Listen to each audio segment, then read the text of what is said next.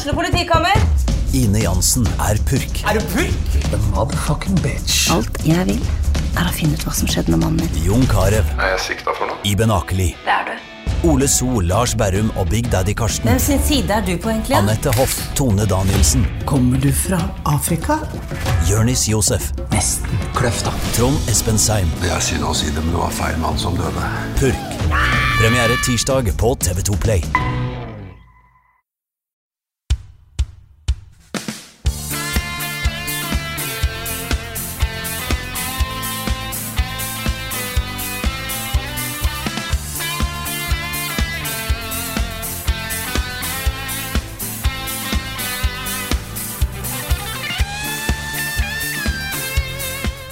Hallo, alle sammen, og velkommen til en ny episode av podkasten Level Backup med meg, Frida Danmo, og i dag er jeg faktisk i Oslo. Eh, så i dag er det podkast med som vanlig Karl Martin Hogsnes og Rune Fjell Olsen. Hallo, folkens. Hallo, Frida. Hallo! Og det er jo kjempegøy at du er i Oslo, men dere sitter hos Carl, og jeg er hjemme hos meg. Så det er jo akkurat Det er bare dere to som får den der koseopplevelsen av å sitte i samme rom. Ja. Ja, ja for nå Det er jo det er litt begrensa hvor liksom sammen vi sitter, da. Fordi For at ikke det skal bli ekko i podkasten, så må Frida være på helt motsatt side av min leilighet. Så dette er veldig sånn teknisk eh, For å få det til teknisk, Ja. så må vi gjøre det sånn. Men jeg må også si at det er ikke så veldig stor leilighet, Karl, så det er ikke sånn at vi sitter ikke bare på Det er liksom sant. enda av liksom en korridor. Selv om det er langt unna, så er det lite og intimt for det. Ja. Fordi jeg bor i Oslo. Ja. Så det, det Ja, er vi, sant. måtte, vi måtte nesten gjøre det sånn, for vi skal jo ha sånn mini uh, Buffkitten AS julebord i ettermiddag. Det skal vi. Ja, Og for å få til innspillingen av podkasten, så måtte vi uh, unngå da at noen måtte reise over hele byen. Altså Den tiden har vi ikke, rett og slett. Det tar litt tid å rendre ut eh, video og, og sånt. Så ja. Men jeg gleder meg til julebordet vårt. Det blir ordentlig hyggelig. Ja, da blir vi veldig kos. Jeg, eh, det, jeg, jeg, jeg, jeg er veldig glad for at vi klarte å få det til samtidig som jeg er i Oslo. Sånn at jeg får det med meg. Mm. Vi har blitt ganske flinke til det. Det Ja. å gjøre mest mulig de få dagene du er i byen. Ja, og nå er det Mm. jo faktisk jeg være her i mer enn et døgn. Da er jo sjelden kostbare, da. Det er det. Mm. Så det er jo det var vi et lite jo- show i går. Ja, Yes, juleshow med Norwegian Thunderboys. Yes. Det er utrolig deilig å ha det overstått. Og det er sikkert mange som hører på podkasten og de andre tingene vi gjør, som syns det er greit at vi nå eh, ikke trenger å plugge det showet lenger. Nei, vi får bare finne på en ny ting å plugge. ja, Hele Ja. folk blir lei av det, og så kanskje de kommer. ja. Ja, jeg, jeg skjønner jo at hvis du ikke har tenkt deg på det showet, og um, ikke har muligheten til det, så er, det- kan det være litt slitsomt at vi har snakka så mye om det. Men jeg håper folk forstår at uh, det handler om kroner og øre for oss også. Vi ville jo gjerne at så mange som mulig skulle komme på det showet, sånn at vi i hvert fall ikke tapte penger på å ha det. Absolutt, absolutt. Så, Men det var jo ja. eh, Jeg vil si det var en stor suksess. Det var veldig hyggelig i går. Det var Det var det. 120-130 stykker var der.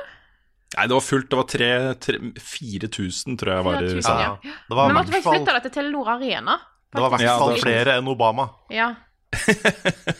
Det var det. Ja, nice reference. Nei, men Det var ordentlig hyggelig, og det var hyggelig at det var den samme type kosen som det alltid er når vi holder liveshows.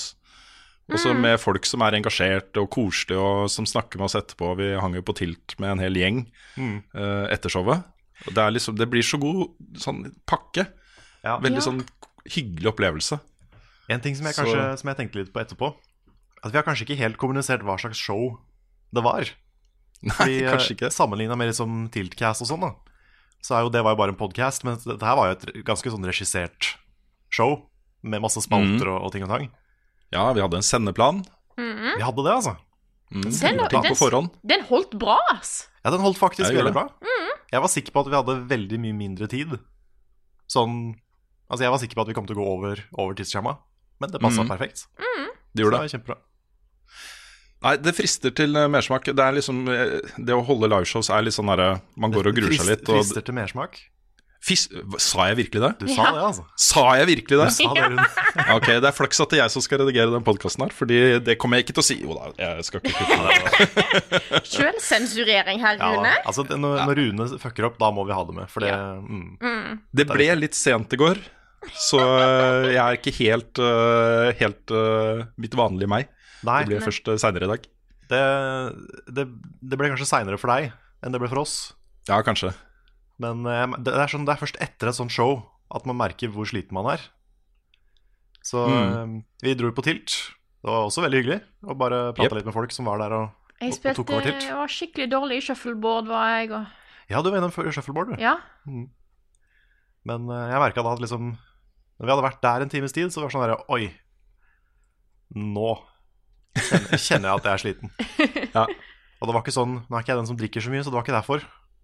Men det var bare sånn derre Shit. Mm. Akkurat som nå, nå kom sånn derre to måneder med slitenhet bare kom fram. Så Mm. da, da ble det litt tidlig på meg. Det er mye, det er mye styr rundt et sånt show. Uh, det tar liksom mye tid på forhånd og veldig mye krefter der og da. Det å stå på en scene kre, uh, krever en del energi. Jeg eh, har eh, jeg, jeg kanskje på en måte stått nok så mange ganger på en scene nå at det på en måte for meg ikke er så tømmende lenger. Mm. Men eh, det, var, det var ordentlig gøy i går, altså. Det var det er kjekt å se at eh, folk er fornøyd, og folk lo, og det var Det er liksom alltid da når en skal sette opp sånne ting, jeg er liksom litt nervøs for sånn for, Blir folk fornøyd av Ja. det vi gjør, liksom? Det er sånn Ja. Kommer vi bare til å løpe rundt på scenen som sånne kaklende høner som ikke aner hva vi driver med? Det er det som er liksom frykten på forhånd. Ja, ja. På at ingenting skal funke og alt er eh, Men det, det meste funka. Det var Meste én funka. ting, det var én ting som ikke funka. Og det var, og jeg aner ikke hvorfor, Nei. det er to ting. For det første, hvorfor har Nintendoland en update i 2018? på Wii U, Ja. liksom. Og i tillegg, hvorfor får du ikke lov å starte spillet uten å update? Ja, det er litt rart. Det er helt sjukt. Og den tredje er Mm. hvorfor vil ikke Wii U koble seg til internett uansett hva du prøver på innimellom? Ja, så det var sånn Wii U-en var det ene vi ikke hadde testa. Ja. Fordi vi tenkte at det kan jo ikke være noe gærent med den. Nei. Og så var det tre ting som gjorde at ikke vi fikk starta spillet. Det, det, det fascinerer meg med Wii U, for jeg husker jeg hadde et problem med det en gang før. Jeg skulle starte opp eh, noe greier, og så tror jeg ikke jeg hadde Enten så hadde jeg ikke med meg gamepaden, eller så hadde jeg ikke laderen til gamepaden. Mm. Og så var det sånn derre Ja, det er en update, Uh, men den Du må ha gamepaden for å kunne installere updaten. Og jeg bare Nei, seriøst, mener du dette her? For da måtte du ha gamepaden for å kunne trykke gjennom en ny. Da kunne du like godt gjort på TV-en! Mm. Ja, men det er Wii U. Ja. Smart uh, hardware. Ja, det er altså Jeg tenkte ikke så mye på det da den konsollen var liksom den nye. Nei. Men det er mye krongling med den, altså. Ja, kanskje jeg bare omdøpte den til liksom We Know. We know, ja. Ja, Vi trenger kanskje ikke å snakke noe særlig mer om showet, men jeg har lyst til å si en, si en liten ting til. Og det er at eh, jeg følte vi kom enda litt nærmere Norwegian Thunderboys under det showet. Mm. Uh, og skal ikke se bort ifra at vi kommer til å gjøre mer med de i fremtiden. Det Ja, er bra ordentlig folk, bra altså. folk, altså. Ja. Ja det var det. Hva har du spilt? Spilt det siste?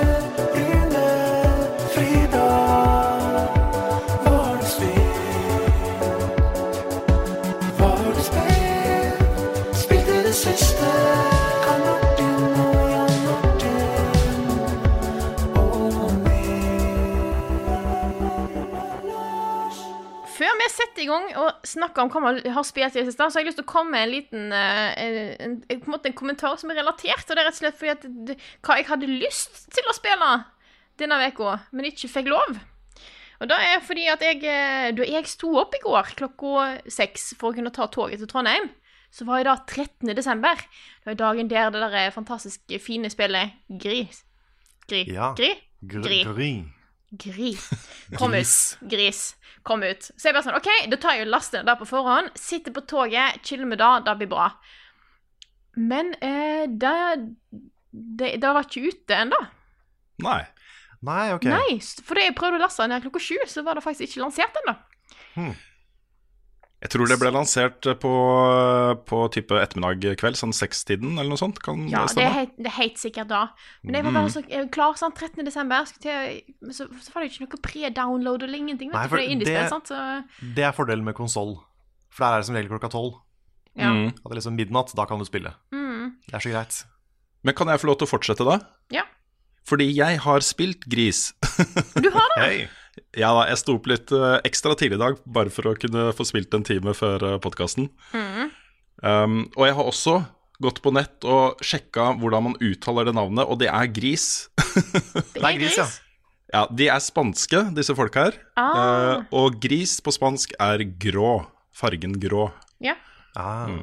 Så eh, jeg gikk på et eller annet på YouTube hvor du kan få liksom uttalen av forskjellige ord på forskjellige språk og sånt. Og det er ikke akkurat gris, sånn som vi sier det. Det er sikkert en eller annen sånn twist på det, sånn, men det er Du hører r-en alt, liksom. Så ja. Ja.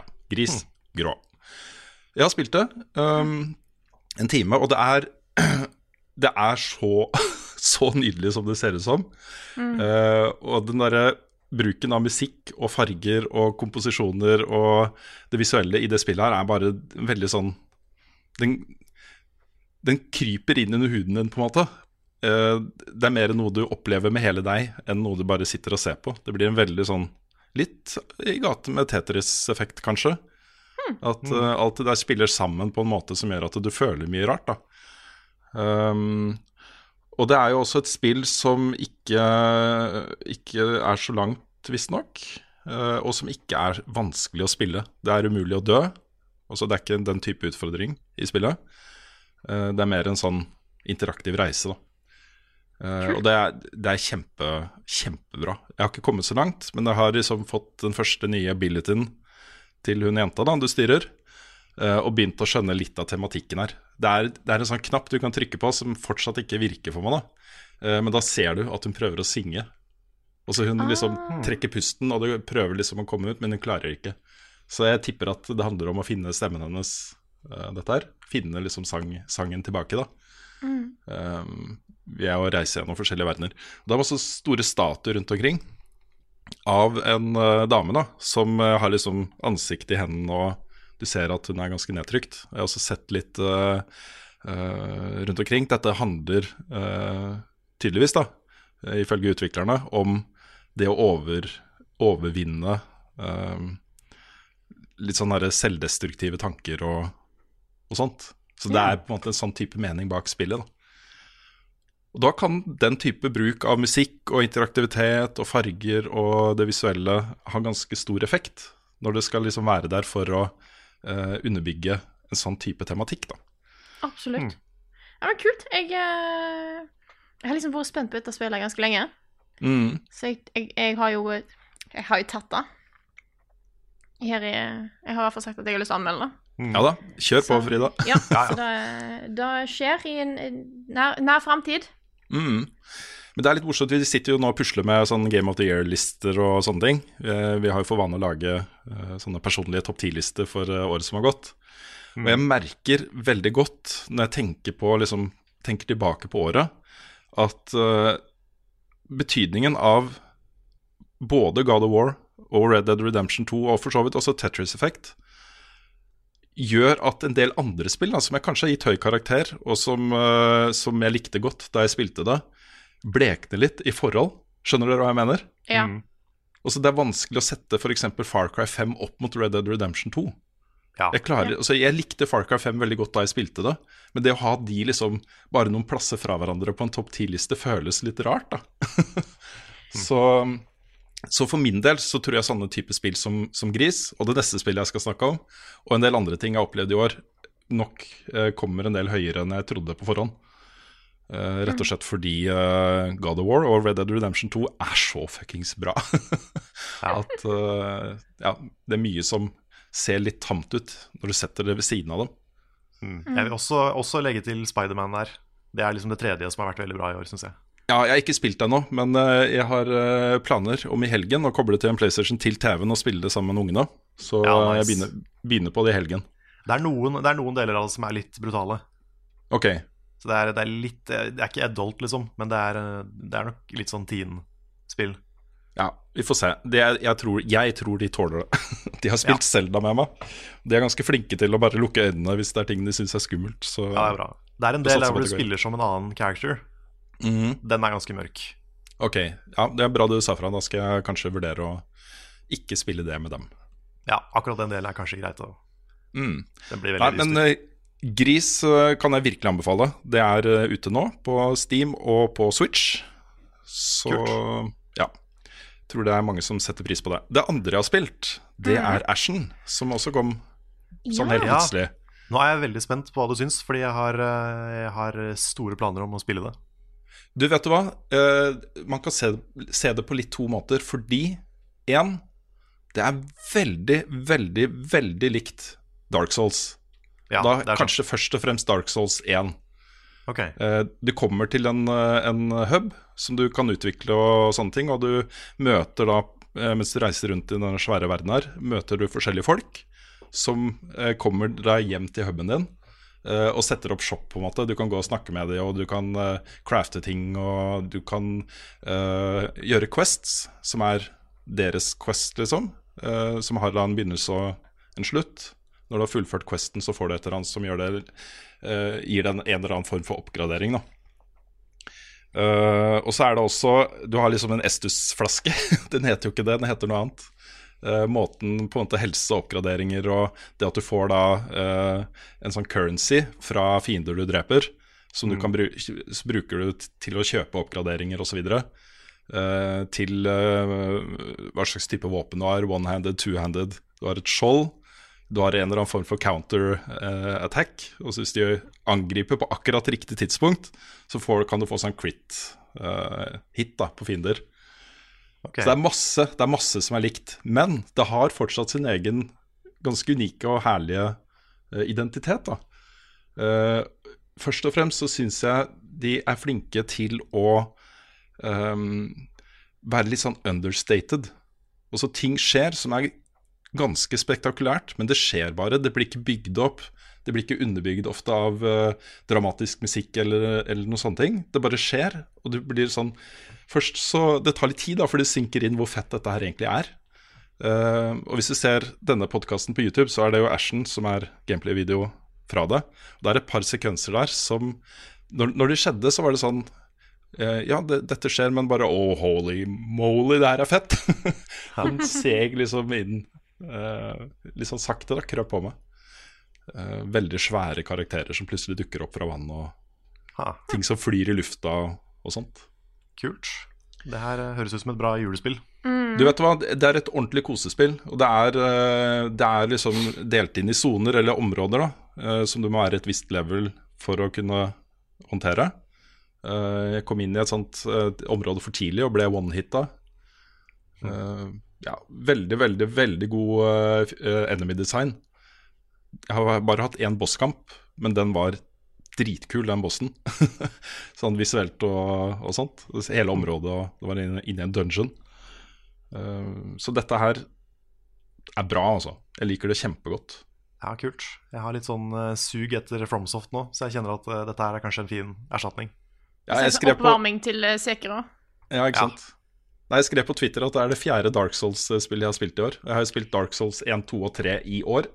Ja, stemmer. Og Ashen er Det er uh, samme, samme greia, altså. Jeg er spent på når du blir så desperat at du spiller Demon's Souls. Ja, Jeg jeg, jeg har jo begynt på det. Ja, jeg ble Jeg- det sommeren etter jeg oppdaga. Souls. Ok. Ja, vi får se. Vi får se. Men Ashen, en annen ting som er litt gøy med Ashen Jeg har jo sagt nå flere ganger at det, bare er ute på Xbox, men det, det er jo ikke det. Det er jo også eksklusivt på den helt nye Epic Game Store. Det hadde jeg ikke fått med meg, for folk kommenterte det her og der. Så det jeg gjorde, var at jeg kjøpte det faktisk på Epic Game Store. Så jeg hadde lyst til å snakke litt om den også, for den er jo helt ny. Uh, og det er helt tydelig at de bygger opp noe som skal være en konkurrent til Steam. da Det er Eh, veldig sånn- smart. Det er Ikke sykt sant? når du har liksom tidenes, altså kanskje ikke tidenes, men verdens akkurat nå mest populære spill, Mm. og bare launcher en Steam-konkurrent. Det er lurt, ass. Ja, det er kjempelurt. Um, og da er det ikke Ashen Carl snakker om, det er Fortnite. Ja, ikke. Ashen. ikke sant?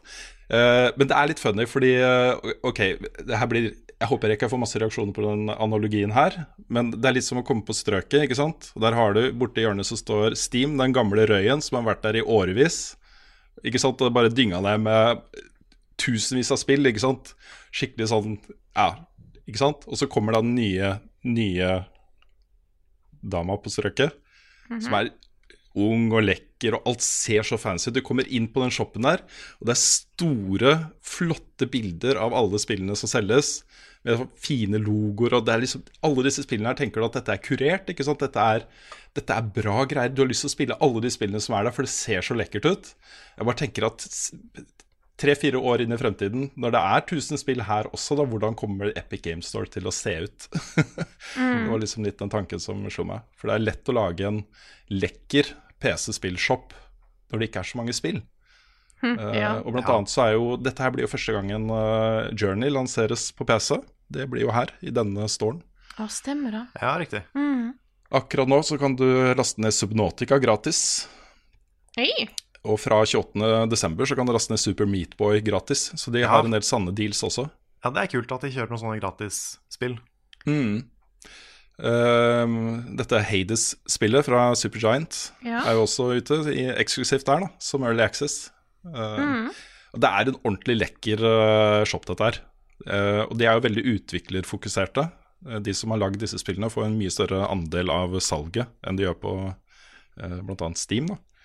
Så eh, foreløpig så er dette her en veldig sånn indie, eh, veldig sånn positiv kraft. Jeg har lyst til å støtte dem, liksom. Jeg håper at de klarer å ivareta uh, det fokuset. Og jeg tror den lureste måten de kan gjøre det på, er å uh, kurere Ja. shoppen sin. Det er den ene tingen som de kan være mye bedre enn Steam på. Mm. Fordi Steam har jo bare blitt litt sånn Det har, det har nesten blitt AppStore. Ja. Det er så mye dritt. Altså Så mye sånn shovelware som bare pumpes ut hver dag. Hundrevis av spill, hvor kanskje ett av de er bra. Ikke sant? Og det, det er ikke Altså, da blir det ikke en fin butikk. Det er liksom Steam er ikke en plass der jeg går bare sånn Og nå skal jeg finne meg et nytt spill. Nei. Jeg går på Steam hvis jeg vet hva jeg skal ha, og kan søke det opp. Mm.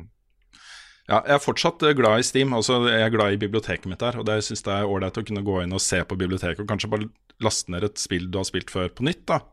Eller hente opp noe du ikke har spilt. Og så ligger jo bare der, og det er kjapt å installere, og alt går smooth, liksom. Ja, Men ja. eh, ja, Men det var jeg, en tror, helt eh, jeg tror det har godt av litt, eh, litt eh, konkurranse. mm, Sånn at ikke du har én aktør som har en monopol nesten på hele opplegget. Selv om du har en del småaktører her og der. Men jeg, jeg håper at du kan få en stor konkurrent på liksom sånn større basis, da. mm. Good Old Games er jo også relansert uh, som en sånn type shop. Uh, og Den også har blitt veldig bra nå. Der kjører du hele tiden eh, gode tilbud på gamle klassikere og, og sånne ting, så jeg anbefaler den òg. Jeg vil også trekke fram, det er litt sånn delvis relatert, uh, men jeg har vært kanskje litt kritisk til, uh, til denne EA Hva heter den? EA, nei, EA Origin Premium? Access. Premium. Premium? En av de, ja. Ja. Ja, den premium-tjenesten. Det er en ganske god deal, altså. Det koster ikke Jeg tror det er en tusenlapp det koster for et år for premium-konto. Du trenger bare å spille to EA-spill i løpet av et år, så har du tjent inn det. Det er en ganske god deal. Hvis du har tenkt å spille uh, f.eks. Battlefield 5 da, og eh, um, eh, Åh, nå står det stille. Denne Destiny-konkurrenten. Å ja. Oh. uh, tenk, tenker du ikke på Warframe? Nei, jeg tenker ikke på Warframe. Eh, det er veldig rart at det står stille på akkurat det. Det er bare fordi hjernen min fungerer litt saktere akkurat nå. jo, jo, jo, ja, men nå Nå står det stille hos meg òg. Ikke sant? Herregud. Anthem. Anthem, selvfølgelig. Yes. Eh, hvis du har tenkt å spille de to spillene, så lønner det seg å være eh, Origin Access Premium. Men får, Ori det får du heter Origin det? Access, har jeg funnet. Nei, det er jo en abonnementstjeneste, men du kan jo velge å kjøpe det ut, da. eh, etter sånn jeg har forstått det. Hvis du, Ja. Du Ja, for. Hvis ikke du får beholde de, så er det, jo, da er det litt mer grå sone, kanskje. Mm. Mm. Men uh, også, også uh, GamePass på Xbox er jo blitt en kjempetjeneste. Og det er blitt Hvor, eh, ikke sant? Der er jo Ashen ute nå, da, for eksempel. Mm. Så um, det begynner å komme en del sånne ting. Og jeg, jeg er litt spent på hvor mye de tjenestene kommer til å koste etter hvert. Fordi det begynner å bli sånn for meg at jeg har lyst på dem alle sammen, hvis du skjønner hva jeg mener. Ja. Altså, og da blir det jo fort dyrere enn om jeg går ut og kjøper bare de enkeltspillene. Ja, som- det, er, eh, det er Netflix, HBO, Dplay og alt mulig annet problemet. Ja, det er det også. Men uh, hvis du bare har Xbox, da, eller bare har PC, så er det kanskje lettere å navigere i det landskapet der. Mm. True, true. Yes, jeg vet ikke om jeg får uh, lagd egen anmeldelse av versen, fordi nå skal vi lage sånne Game of the Year-lister og, og sånne ting neste uke. Men eh, jeg er ganske sikker på at det havner på den lista, så da blir det sikkert eh, litt eh, snakk om det der. Kult. Kult. Har du noe du har lyst til å snakke om, eh, Carl? Hva har du spilt? Jeg har spilt eh, litt forskjellig. Mm. Jeg kan jo begynne med å snakke om noe jeg spilte for ikke så lenge siden. Fordi eh, jeg eh, tok en sjanse, kjøpte et spill på Steam ved navn Christmas Tale Visual Novel. Og det Nei da. Det, det spilte vi litt på showet i går. Mm. Og det, det, det falt i smak hos publikum. og det var av alle liksom de the wrong reasons. Mm. Det var så dårlig oversatt på så morsomme måter. Yes. Det var, Jeg tror vi avslutta når, eh, når hovedpersonen møtte Some Kind of Kate. Ja. Det var kjempegøy. Jeg jeg har litt lyst, Det er litt fristende å streame det neste uke. Ja. Bare for å se hvor det går hen. Ja, fordi julespillene det er sånn Det er veldig, veldig få bra julespill, men de er ofte dårlige på morsomme måter. Mm. Så det kan hende neste stream blir masse ræva julespill. Det hadde ikke vært så dumt. Nei, jeg tror ikke det. Men jeg, jeg gleder meg til eh, den Vision Novelen faktisk går til det punktet der det faktisk gir noe. For akkurat nå eh, Det er jo greit at en del Vision Novels kanskje får litt kritikk for at det er veldig sånn Du bare trykker deg videre i dialog, og veldig lite sånn Og så etter hvert så skal du velge ulike ting å si. Mm. Men vi har jo ikke kommet til den biten. Vi har jo kun vært på monologbiten så langt. Ja. Litt sånn trist monolog om jul. Ja, jula var så fælt og dystert og greier. Ja, Jeg orker ikke engasjere meg i noen ting. Alt er bare tomt. Ja. Så det var jo veldig, veldig trist, men det var morsomt fordi det var så dårlig oversatt. ja. Det var jo har- dårlig, sannsynligvis dårlig skrevet i utgangspunktet også, da. Ja, kanskje. Jeg vet ikke. Nei. Kan hende det er noen som faktisk kan skrive kan på sitt språk. på det, på det språket det egentlig er skrevet på, så er det et noe sånt mesterverk. Ja, kanskje. Eh, noe sånn, kanskje kunst, men når Google Translate kommer inn i bildet, så, så forsvinner en del av meninga, kanskje. Ja, jeg, tror, jeg tror ikke du hadde fått den samme liksom, tyngden i God of War hvis det hadde vært skikkelig broken English. Ja, det er sant. Det Men har- det er sant. språket som eh, det er skrevet på, er vel emo, er det ikke det? Jo, Jo. det er ganske sånn, eh, ganske sånn introspektivt, er det det heter. Mm. Hvor det er sånn uh, hovedpersonen sitter og tenker på hvorfor Hvorfor bryr jeg meg ikke mer om, om jula og livet. Og, Mm. så veldig, veldig sånn dark og brooding. Med sånn hyggelig heis, jazz-heismusikk i bakgrunnen. Ja, ja, ja. Litt sånn dårlige animasjoner. Det var det animasjoner? Ja, det var snø i vinduet. Ja, stemmer. Det var det eneste. Mm. Ja. Men jeg har spilt litt andre spill òg. Ja. Jeg, jeg kan jo si veldig kjapt, jeg har fortsatt på Red Dead. Nå har jeg kommet, nå har jeg hatt noen sessions hvor jeg endelig faktisk har kommet ordentlig inn i det. Jeg har kost meg. Og det er litt deilig, fordi den, det så har vært en litt sånn kneik å komme Mm. inn i og uh, få dreisen på. Men nå liksom, nå har jeg skjønt Dead Eye. Jeg har skjønt hva jeg må gjøre, hva jeg ikke må gjøre. Fått noen, uh, fått noen nye folk inn i gjengen. Det siste jeg gjorde, jeg er fortsatt på kapittel to, men det siste jeg gjorde var å ha en sånn fest på campen. Ja. Og det var kanskje det mest imponerende jeg har sett til nå. Fordi det er masse folk som er en del av den eh, gjengen din, Mm. og den festen er ganske lang. ja da. Den foregår jo hele natta. Og hele den natta kan du gå rundt og se hva alle driver med. Mm. Og de gjør ting i real time, Oh, shit. så du kan jo umulig få med deg alt. Men alt skjer samtidig. Mm. Ja. Så du kan bare gå rundt og velge hvem du vil henge med, og du kan, du kan gå og synge litt, og det er liksom bare Det er veldig, veldig stemningsfullt, veldig koselig. Mm. Og det er så bra satt sammen. Det er litt sånn som hele Majora's Mask i én scene. Hvor alle, liksom, alle NPC-ene har sånn Har en klokke som de går på, og de gjør det på det tidspunktet, og de gjør det og det og det. Mm. Alt er liksom så synkront. Så det er jo en, liksom, en realtime-fest, da. Hvor Mm. det skjer ting hele tida, og du får ikke med deg halvparten av det engang. Så det er veldig kult. Ja. Så øh, nå er jeg, nå er jeg, liksom, nå er jeg into it. Så nå skal jeg komme meg gjennom det. Og det, det kommer nok øh, noen tanker om det når uh, topplistene kommer. Mm. Jeg er spent på jeg hva du også- syns om fortsettelsen uh, nå, Karl. Ja, det er jeg også spent på. Mm. Så, det, så fort jeg får litt, uh, litt tid, så skal jeg fortsette. Men jeg har også spilt masse Smash. Smash. Smash. Smash. Veldig, veldig masse Smash. Og jeg har spilt veldig mye singleplayer. Fordi det har jo en, en mode som heter World of Light, Mm. som jeg snakka litt om i forrige uke. Som, øh, som er ganske kreativ. Du går liksom rundt på et sånt adventure-brett og slåss mot det som skal forestille øh, en drøss med figurer fra forskjellige spill. Da representert av de figurene som er med i spillet. Sånn øh, Hvis du slåss mot liksom quote unquote Dr. Robotnik eller Eggman, og så er det bare en av Copa-kidsa i en sånn der øh, boks, ikke sant? Ja, ja. men med liksom sånne Robotnik-items. Så det er litt kult, og det er litt kreativt. Men den moden er så utrolig lang. Ah, Og det, det er liksom sjelden jeg sier at noe er for langt. Jeg vet ikke om jeg mener det. Det er mulig det bare er fordi jeg måtte rushe gjennom for anmeldelsen og sånn. Men den er veldig lang. Det er sånn et, et fighting-spill med en over 24 timer lang campaign. oh, Jesus Christ. Og det er liksom du gjør det samme hele tida. Det er ikke noe cutscenes eller noe sånt. Nei, for det, det er ikke noe mer story enn på en måte det som blir introdusert? Nei, ikke egentlig. Nei, OK. Så det er bare masse, masse fighting. Men det er veldig mye av det. Ja. Så jeg vil nok anbefale å ikke, ikke, ikke rushe gjennom sånn som jeg gjorde.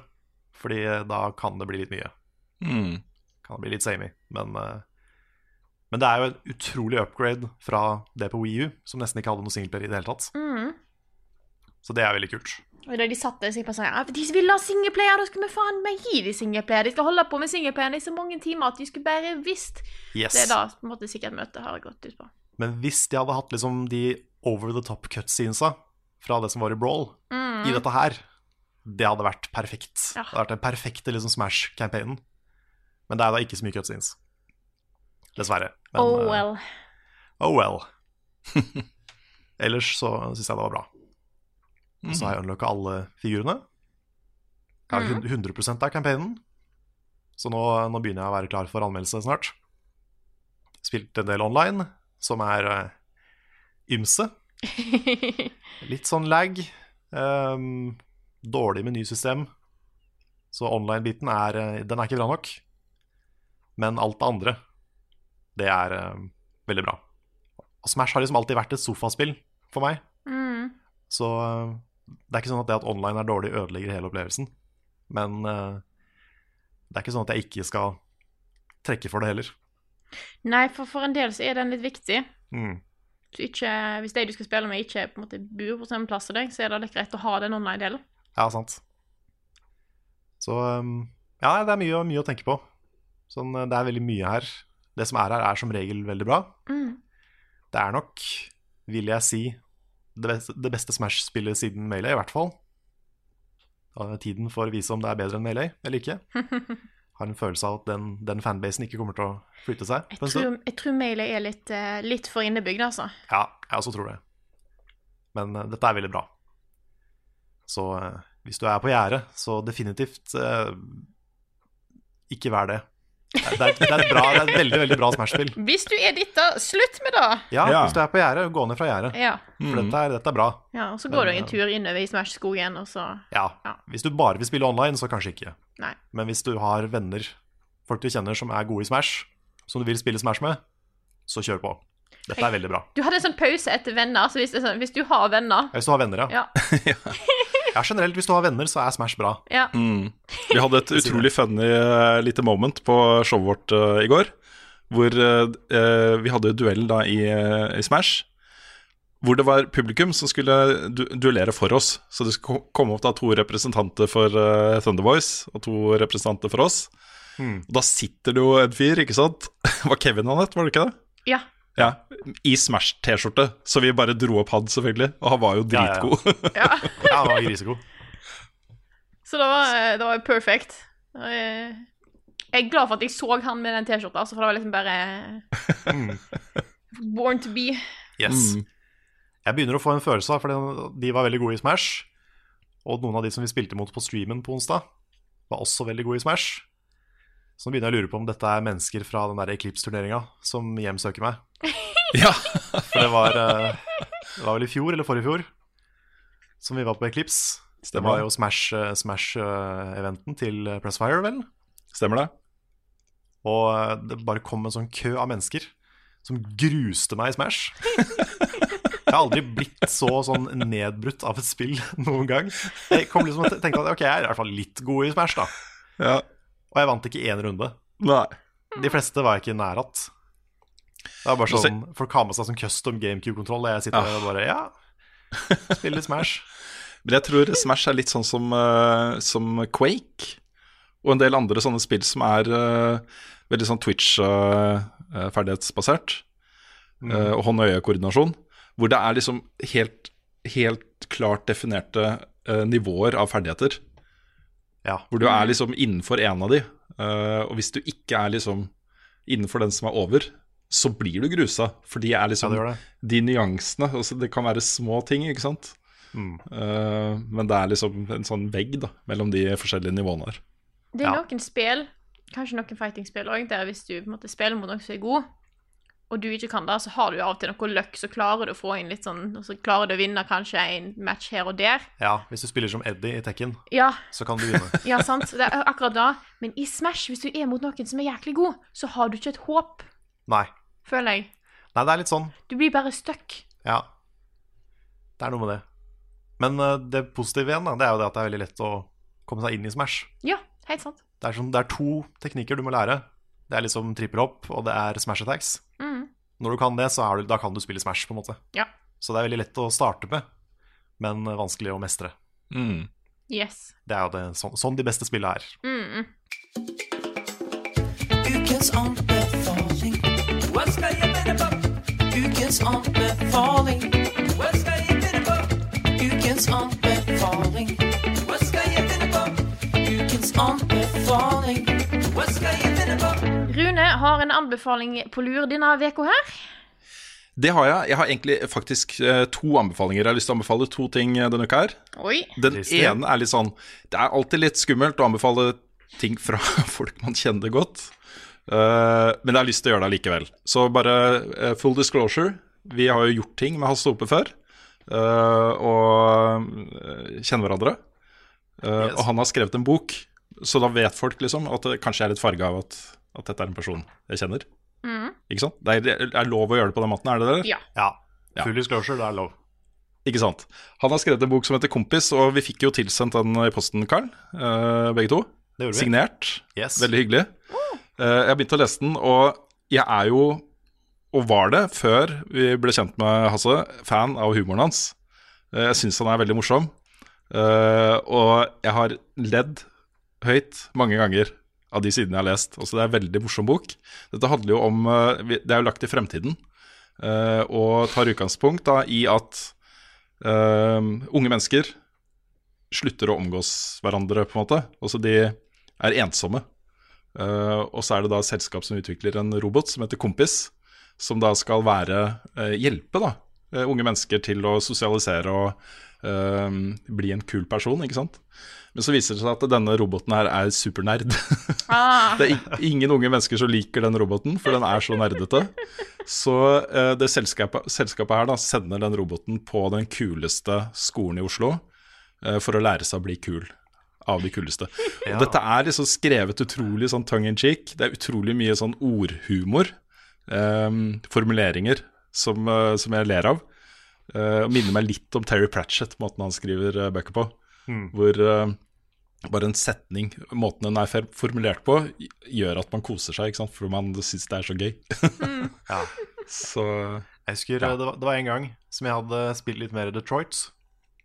Og så hadde jeg begynt å liksom tenke litt, da. Så bare gikk jeg til Rune og bare Rune, jeg har det jeg tror er en veldig god idé til en sitcom. Og så sier jeg hva ideen er. Og så, så kommer det fra Rune det, det er plott i Kompis. Ja, ikke sant? Så det var liksom Shit, det er akkurat det Kompis handler om. Oh. Ja.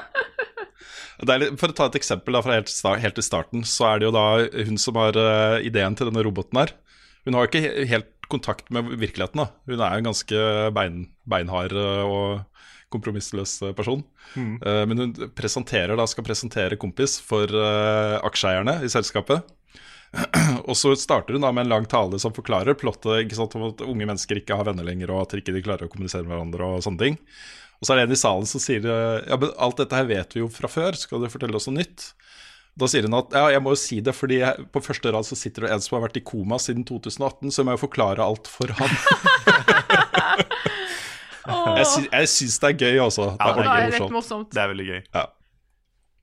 Og de har også endra eh, Den eh, kuleste skolen i Norge er da omgjort eh, sjukehus. Eh, som nå heter Den heter eh, Litago Tropical High School. Og så den, er- de har endra eh, heter det ikke? Høyskol heter det. Høyskol. Litago Tropical. Det er nye da eh, smaken til Litago. Ja. Det høres det, ut som det det er masse, skolen. masse sånn, da. Og han har jo bakgrunn fra, som tekstforfatter i reklamebyrå, ikke sant. Mm. Og fra Vesterdals og sånne ting. Og det er, eh, det er gøy. Og jeg liker plottet, så den boka skal jeg lese ferdig. Så Det var den ene anbefalingen. Den andre er at jeg vil bare nevne for folk at Robin er tilbake. Svenske Robin. Etter åtte år. eh, Åtte år siden forrige album er hun tilbake med et nytt album som er dritbra. Eh, Det er noe Hun er liksom den skandinaviske Madonna, ikke sant? Det er samme hvor lenge hun er borte. Hun kommer tilbake, og alle syns hun er dritkul. Og det er jo fordi hun lager veldig bra musikk. Så jeg vil bare anbefale folk eh, det albumet. Det er krem elektropop. Veldig, veldig behagelig.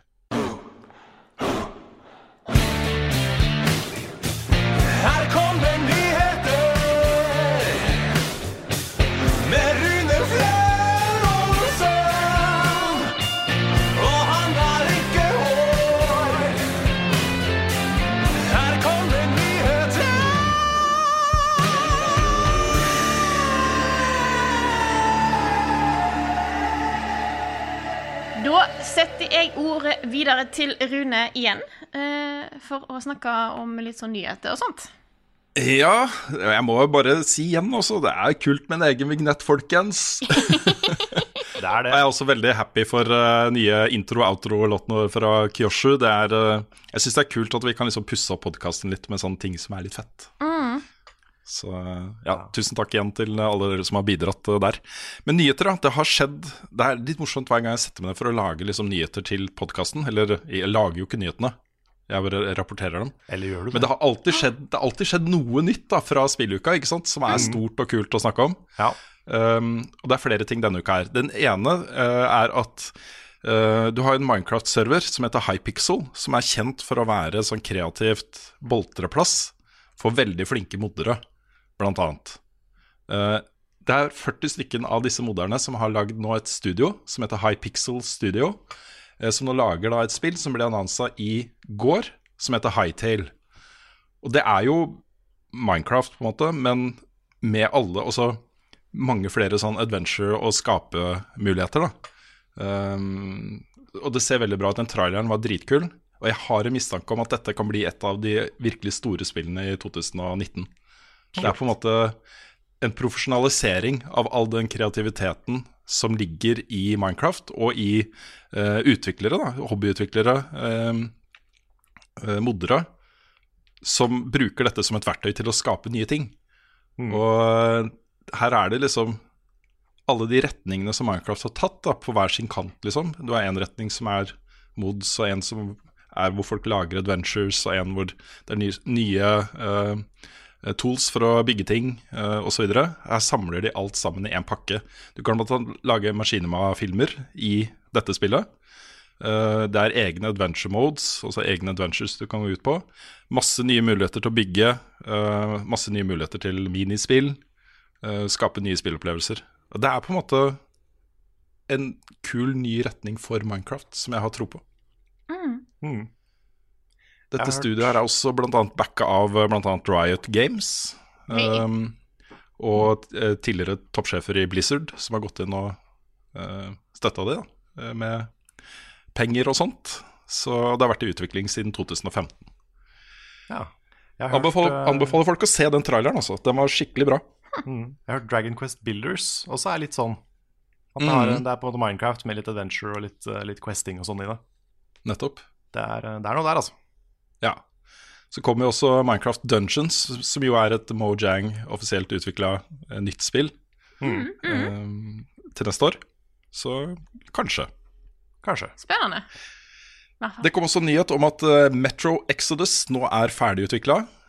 og det er ferdigutvikla såpass eh, tidlig at det gir det ut også en uke tidligere. Så det kommer nå den 15. januar istedenfor da en uke etter. Så ikke delayed, men relayed. Ja Pre-laid? Pre Nei. Prelayed. Ja. mm. Prelayed. Planetside var et spill jeg spilte ganske mye da det kom. Det var jo et uh, FPS MMO eh, med masse potensial. Det, det levde jo ganske lenge, folk fortsatte jo å spille det en stund. Nå kommer det et nytt spill som heter Planetside Arena. Kan dere gjette hva det er for noe? Og er det, er, det, er, er det en Battle Royale? Er det det? Det er en Battle Royale. Shit. Det kommer da 29. januar eh, på PC, eh, og der kan du spille 100-mannsmatcher solo. Du kan spille tremannsteams, da er det 102 spillere for å få det til å gå opp. Eller du kan spille 250 mot 250.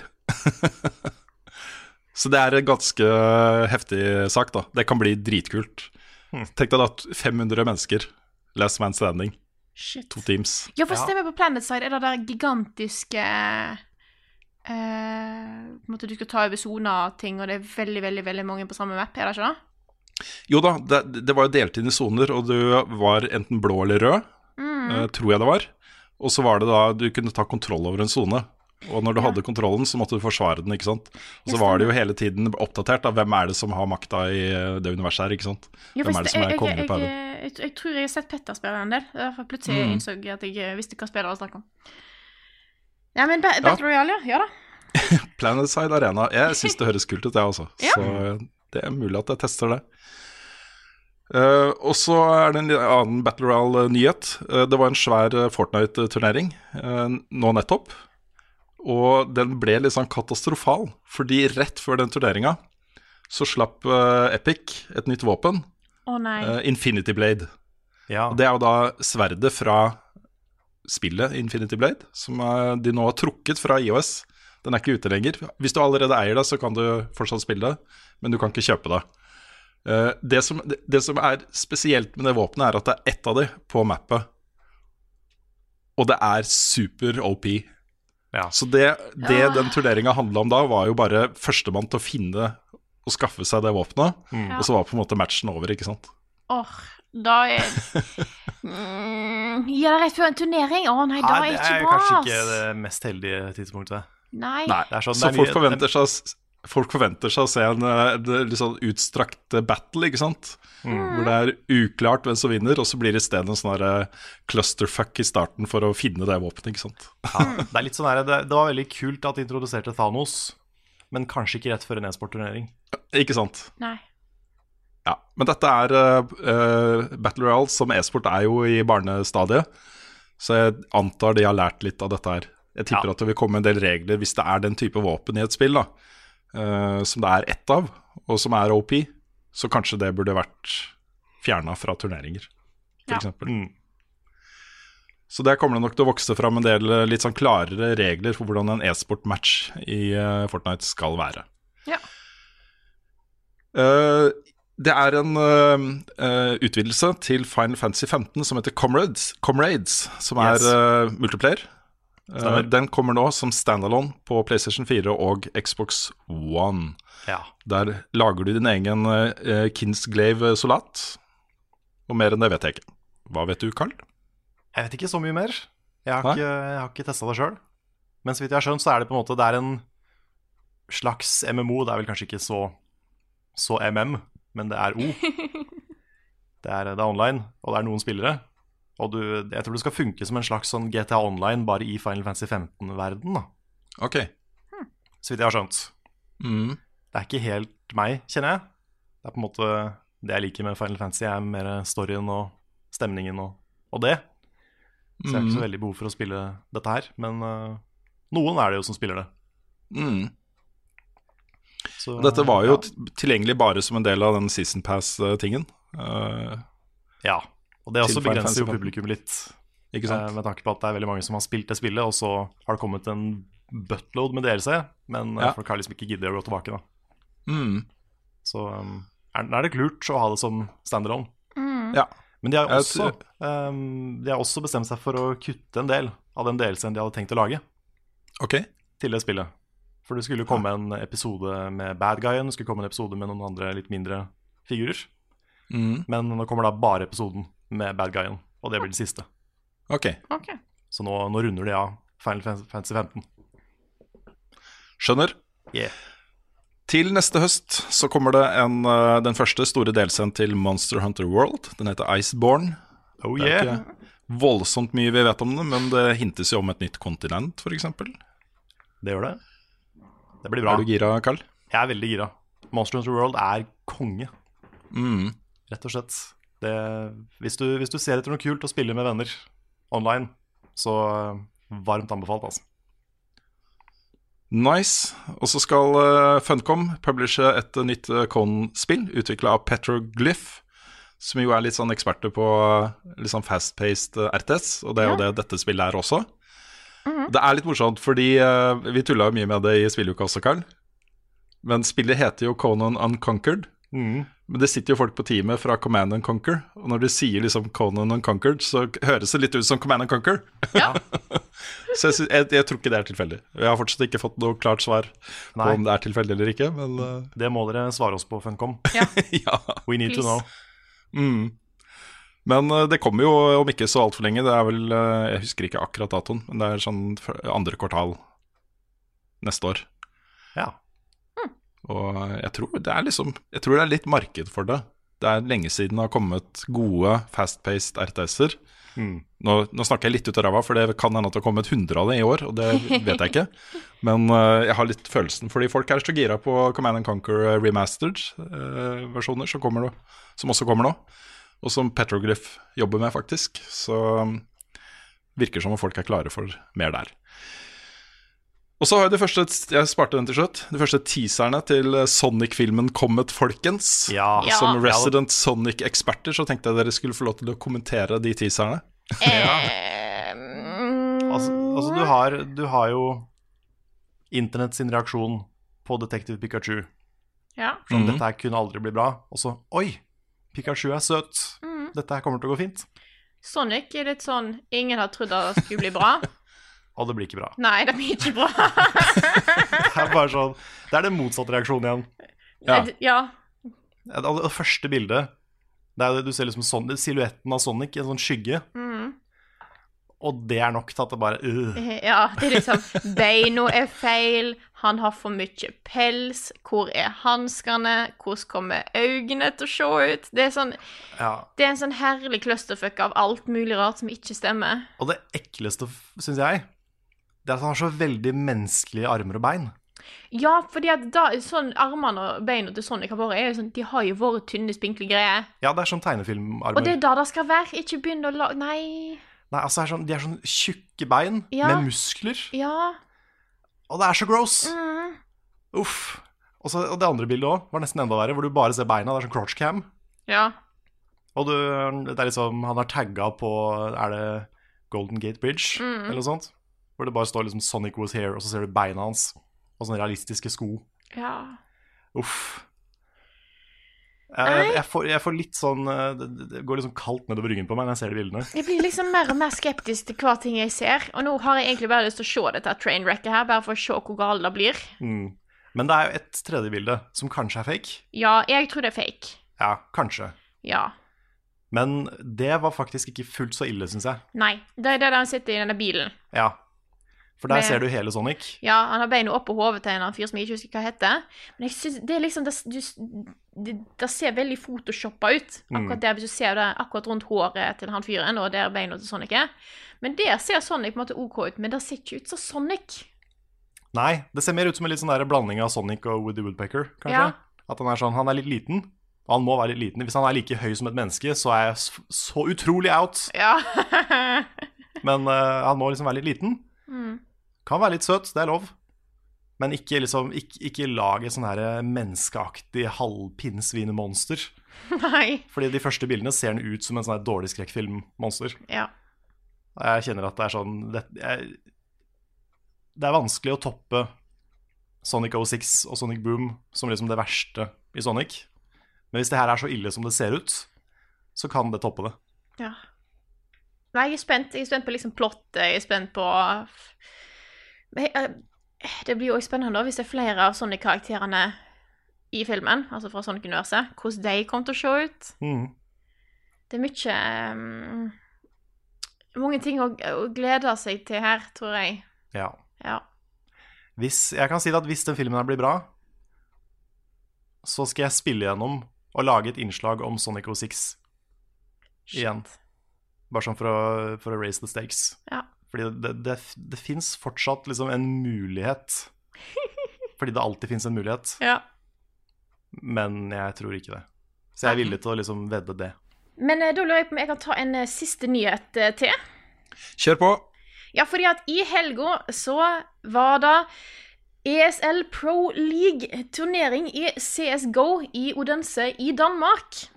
Eh, som jeg satt og så på. Fordi jeg, har jo, jeg og Petter ser faktisk en del eh, CS, eh, CSGO-turneringer, og jeg synes det, det er kjempegøy. Og Ja, det er veldig spennende. Ja, og det var veldig veldig mange gode matcher, skal jeg si. Og det er jo det danske laget Astralis, som er jo helt sinnssykt gode. De tar liksom eh, nesten alle turneringer de er i nå. Det er helt, helt sinnssykt hvor gode de har, eh, hvor de, hvor gode de har blitt. Eh, og de har faktisk aldri vunnet på heimebane før, i Danmark. Og det gjorde de i helga. Eh, så de vant hele greiene. Og det som skjedde da, det er ganske litt sånn historisk. For In Intel har starta sånn Intel Grand Slam-ting. Som er at hvis et lag klarer å vinne en av disse store eventene eh, Enten da ESL eller eh, disse store turneringene Hvis de klarer å vinne fire av ti liksom, consecutive events, så får de en million dollar. A million dollars. Yes. A million Og det dollars. Og så har de til og med innført noe sånn at hvis, du, eh, hvis nok et lag da, spiller i finalen Nå var det jo Astralis mot eh, Liquid. Tror jeg.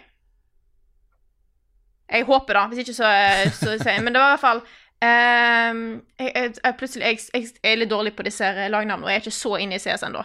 Ehm, men i hvert fall, hvis du klarer å måte ta fra noen den Grand Slam-tittelen i en stor finale, så får du, eh, for da, da laget da en 100 000 dollar måte, bonus da, for å måte slått noen ut av, av å vinne den Grand Slam-tittelen. Men Astralis eh, took it home. Eh, tok da den aller første Intel Grand Slam-tittelen, da. Får en million dollar, eh, og nå har eh, da er på en måte første sesong, en sesong av Intel Grand Slam ferdig. Alle counters resetter seg, og nå er det da neste lag som når fire av ti sammenhengende turneringer. Får da eh, en million dollar. Det blir vel Astralis igjen, det, da. Ja, altså, det er jo Det har vært veldig, veldig gøy. Uh, Two million dollars. Ah, ja. Men det er jo helt sinnssykt, da. Uh, det er liksom den uh, Den den, den challengen var liksom satt for liksom OK, dette skal være vanskelig å nå. Det er jo nesten uhørt at det Ja, samme sant. laget vinner fire av ti. Ja. Det er jo eh, vanligvis ganske små uh, små nyanser mellom de beste lagene. Det er gjerne fire-fem lag som eh, veksler med å vinne disse turneringene. Mm. Nei, det var en, jeg må si at det var en spennende match i helga. Det, var- det var veldig likt mellom Australis og Liquid. Uh, det, var, eh, det var vel Liquid som vant første mappet. Var det best av fem. Eh, og så tror jeg det var vel Astralis som vant de tre neste. Men det Mm. var, det var i hvert fall første mappet, da var det tight, men du så at Astralis var eh, gode, altså. Så jeg vil jeg, Igjen, jeg er ikke så veldig inne i CS, men det som er fordelen med CS, jeg har sagt det før tror jeg, versus andre e-sportspill, er at det er veldig lett å sette seg inn i. Det, Mm. du har to lag, og den ene skal sette ei bombe, og den andre skal prøve å stoppe at de gjør det. Og da er alt du trenger å vite av regler. Så hvis du Mm. kanskje er et fnugg interessert, prøv å mer sette deg ned med neste gang det er en stor turnering. Kanskje se finalen, for det er ofte der det er, skjer ting. Det er så mye liv, det er så Mm. gøy. Uh, så, så anbefales òg uh, eh, Hvis du trenger noen å heie på, så har vi jo med norske Rain Mm. som, eh, som er vel i Face. Så eh, Og ikke minst så eh, går det jo masse sånn gjetord om eh, finalen i eh, CSGO i Telenor-ligaen i år også, som var en utrolig tight og spennende affære. Så det, det er jo en helnorsk, helnorsk ting også. Yeah. Så sjekk det ut, folkens. Dette er gøy, og spesielt det er gøy når det er på en måte så store ting eh, de, de kjemper mot, som a million dollars. A million dollars. Kommer Ruen sin standup på DVD, eller? Jeg er jo et guttenavn. Hva er det vesle karet sitt? Hvilket språk snakker Frida egentlig? Hvorfor er Mario rørlegger? Er vi klare til spørsmål? Ja. Oh yeah! Nå skal vi, for eh, det, det begynner å bli en stund siden sist, men eh, jeg sier, Karl, kjør vignett. Ukens Synfor. Hvis dere kunne plukke ut én person fra spillbransjen dere fikk lov til å ha med som gjest i podkasten, hvem andre enn Hidio Kojima ville dere valgt? Og da var det spørsmål fra eh, vår kjære Trond Sinfor Borgersen. Mm. Uh, jeg har et godt spørsmål. Jeg ville jo, vil jo starta med Hideo Kojima. Det er litt morsomt, fordi han reiser nå verden rundt. Og møter uh, filmregissører og sånn som han eh, respekterer, da. Mm. Uh, og som tydeligvis respekterer han, og viser de Death Stranding. Oh, så det begynner å komme ut sånne meldinger fra forskjellige folk da, rundt omkring i verden, som bare er sånn uh, Det var en som skrev, jeg husker ikke hvem det var, han skrev på Twitter at, at han aldri har sett en så transformative online experience før. Og da ble det sånn transformative online experience. What, the fuck? Ja. ikke sant? Og så kommer det en melding fra en annen som begynte å jobbe i Kojima Productions nå nylig. Han har vært der i tre dager, skriver han. Og han var sånn Dette spillet er ikke i nærheten av det jeg trodde det var. Da er jeg ikke overrasket over. Nei, hva tror Nei, man ikke det sant? er? Ah, Nei. Jesus. Ja. Jeg, Det er, nå, jeg blir bare mer og mer gira på det spillet. Mhm. Så eh, ja, det hadde vært kult å ha hatt med Hideo Kojima. Ja, men det er ikke lov. Det er ikke lov. Jeg tror, For å gjøre det enkelt, så tror jeg jeg hadde valgt noen som faktisk kan snakke engelsk. Mm. Fordi eh, sånn, det hadde vært hyggelig å ha hatt uh, Miyamoto her. Men det, den, den språkbarrieren blir jo et problem, da. Ja, Mm. det er sant. Og så er det ikke fullt så kult med Reggie. Nei. Fordi han er litt mer sånn marketing-dude, føles det som. Ja. Han er ikke han som sitter og lager Zelda. Det hadde vært veldig spennende å ha David Cage. Ja, jeg også tenkte på David Cage, Og så etterpå laga en sånn der emotions-montasje. Mm. Jeg tror det hadde kanskje blitt den mest fascinerende podkasten. mm. How many emotions does Detroit have? oh. Ellers, da? Jeg, jeg vil si Toby Fox, fordi Ja, han, er så, og- han er så veldig secretive. Han stiller aldri opp i intervjuer. Så det å få et intervju med, med, med Toby Fox hadde vært bra. Mm. Jeg tenker litt sånn entertainment value, da. Jeg, jeg kunne tenkt meg Jeg hadde ikke hatt noe problem med å ha med en som snakker japansk, for jeg tror det kunne blitt gøy. Og da tror jeg kanskje jeg ville tatt Yoko Taro. Åh, ja, da hadde Yoko Taro hadde vært veldig bra. Ja. Det, hadde vært, det hadde blitt en utrolig morsom podkast. Mm. Han si, det som kommer ut av munnen hans, er jo bare vås. Mm. Så dere det han uh, skrev uh, når, Nå kommer den derre Game of the Yaro edition av uh, Nier Automata. Ja, Og da hadde Square Enix bedt han om å skrive en blurb da om hva dette spillet er for noe. ok. okay. jeg, jeg husker det ikke ordrett, men han skriver jo bare at det liksom, at han har blitt bedt om å skrive en blurb, og så skriver han bare masse tull. Det er jo ingenting å spille i det hele tatt i det han skriver. Nei. Å, herregud. Men han er også litt sånn der weirdly dyp. Ikke det, sant? Det er gøy. Mm. Så han kommer med sånne her betraktninger som bare Oi, det er ikke sånn jeg har tenkt på dette her i det hele tatt, men jeg, jeg skjønner hvor du kommer fra, og det er litt morsomt. Mm. Ellers så driver jeg og hører fortsatt ganske mye på den derre uh, Gamemakers Notebook-podkasten. Mm. Det, er- det er så mye bra der. Den siste episoden jeg hørte, var eh, eh, med Genova Chen i uh, That Game Company, Journey, Flower oh, ja. og den The er Sky. Og Det er, så, det, er så interessant å høre disse folkene her bare legge ut om uh, hvordan de opererer og hva slags filosofi de har. Altså. Mm. Så det er en del av de personene som har vært der, uh, inkludert Inova Chen og um, Corey Barlog. Ja, jeg tenkte på det.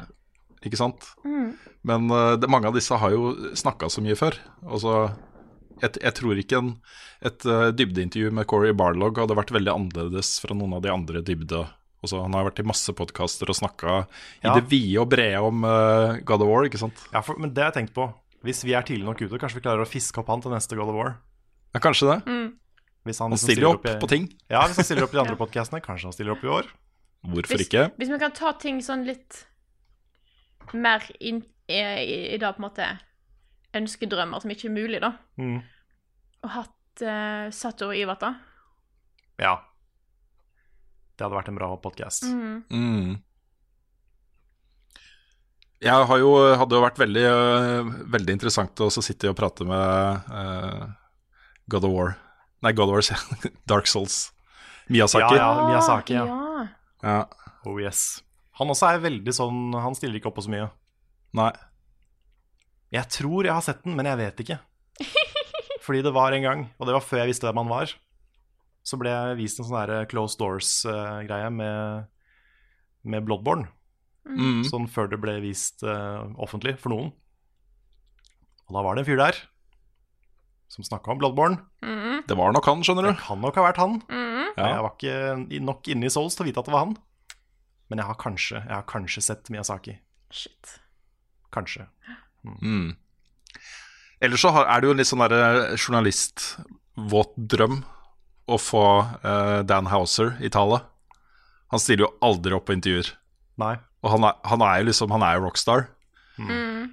Um, det hadde, han er ikke interessert. Han har ikke lyst til å snakke om spillene sine i det hele tatt. Og litt sånn derre Det er rockstar-tendenser, liksom. Den derre beholde mystikken og Ja. bare la spillene snakke for seg selv, ikke sant. Mm. Men det hadde vært interessant. Jeg kunne godt tenkt meg å fått han i tale en eller annen gang. Det hadde vært gøy nå, eh, måte, hvis vi kunne på en måte hente en person og fått til å snakke om det. Hente en Gabe Newell, ja. fått han til å snakke om hva skjedde egentlig Mm. med Half-Life. Ja, hva skjedde med eh, Half-Life? Ja. Eller Todd Howard og bare Du, Fallout 76. Ja. Hva var, hva var planen der? ja. Jeg tror ikke han har vært så involvert i det spillet. Altså. Jo, men jeg tror han har det. Jeg tror det, det har vært en av liksom, prosjektene hans ganske lenge. Ok uh, og det er litt Det er rart. jo ikke utvik... Det er jo, han, han sitter jo og jobber på, på Elder Scrolls. Ja, men jeg tror han likevel har vært liksom, litt sånn overseer for det der. da Det er mulig, jeg okay. det er mulig at det er feil nå, men uh, jeg har i hvert fall hørt det. Jeg har fått inn uh, han, Jeg husker ikke hva han heter, men han i Blizzard som presenterte Diablo Immortal. Og bare sånn Hadde dere virkelig trodd at dette her skulle gå, gå bra? Mm. Mm. Jeg tror også det har vært kjempemorsomt å, um, å fått, uh, fått med Peter Molyneux. Ja. Oh, ja. Det hadde blitt en bra podkast, altså. Mm. Han havner i trøbbel hver gang han snakker, han. Ja, han gjør det. Å, jo, jo, jo, han der OK, han her eh, Fuck the Oscars. Ja, Josef Ares. Fares. Ja. Josef Fares, ja. Det hadde vært kjempegøy. Men det, er vel, det burde vel kanskje vært mulig å få til på et eller annet vis? Det er ikke Det er så langt unna. Nei, sant? Det er sant. Mm. Han kan, jo snakke, kan jo snakke svensk. Ja. Mm. Jeg driver driver fortsatt og pusler med den der Jeg hadde jo disse sommerpodkastene mine hvor jeg hadde norske spillutviklere. Ja. Jeg driver fortsatt og pusler med en tanke om å videreføre det på et eller annet vis. Da. Det hadde vært kult også å ha gjort noe på det. Mm, Ja. Absolutt. Jeg, jeg, vet at, mi- eh, jeg vet at min dialekt er vanskelig å forstå for svenske personer. Det har Ja. jeg fått høre. Mm. Eh, så da får dere klare dere uten meg. Ellers så får du bare prøve å snakke litt sånn Oslo. Ja. Det blir et sånn herlig sammensurium av ting. Mm. Ja, når man, du, alle vet at når man snakker med svensker, så må man snakke svorsk. Ja. Ja. Du må legge inn noen svenske ord her og der. Mm. Hva jobber du med nå? Vi får bare Ja, jeg tror det er mer å si korv istedenfor pølse og sånne ting. For Ja. vi skjønner sånn, ikke pølse, ikke sant. Nei, riktig. Jeg har uh, jobba i et eh, fag nå denne høsten med en som er dansk. Og jeg innser at jeg er ikke så god i dansk. Nei, det er Så vanskelig. jeg innså at det liksom det enkleste måten for å, sammen, for å liksom kommunisere på var via engelsk. Og det er egentlig Ja, ja. litt trist, men, uh, Ja, men sånn, Ja. er, sånn har det vært alltid. Uh. Ja. Jeg også har eh, en dansk venninne som jeg snakker engelsk med. ja. Det er bare litt sånn det er, altså. Nei, skal vi Nå har vi kastet masse navn her. Skal vi hoppe videre til neste spørsmål? Yes. Eh, vi har jo ikke snakka om det så langt i podkasten. Jeg tror dette var noe som kom rett etter podkasten vi spilte inn forrige uke. Så da tar okay. jeg et spørsmål til Bjørnar Kønig Havn. Havn som spør hvor hyped er dere til neste Avengers-filmen etter at første trailer ble sluppet? Meget, Meget meget hyped. Oh. Yes. Jeg ble lurt altså- til å se den traileren. Jeg ser jo vanligvis ikke trailere for filmer jeg vet jeg kommer til å se, men den Mm. så jeg. Det er jo en veldig liten teaser mm. Ja. som viser veldig lite. Og vi er ikke så mye klokere på filmen etter den, Nei. egentlig. Så det er jo sånn sett en veldig bra teaser. Mm. Og veldig god tittel. Ja, og det var, det var kanskje det som jeg ble mest glad for. Mm. Fordi det har vært så mange rykter om liksom Annihilation eller noe sånt. Mm. Men uh, Endgame var jo en av de som har vært eh, litt sånn rykta, og det er den beste av de. Ja. Så jeg er Mm. veldig glad for at de valgte Endgame. Mm.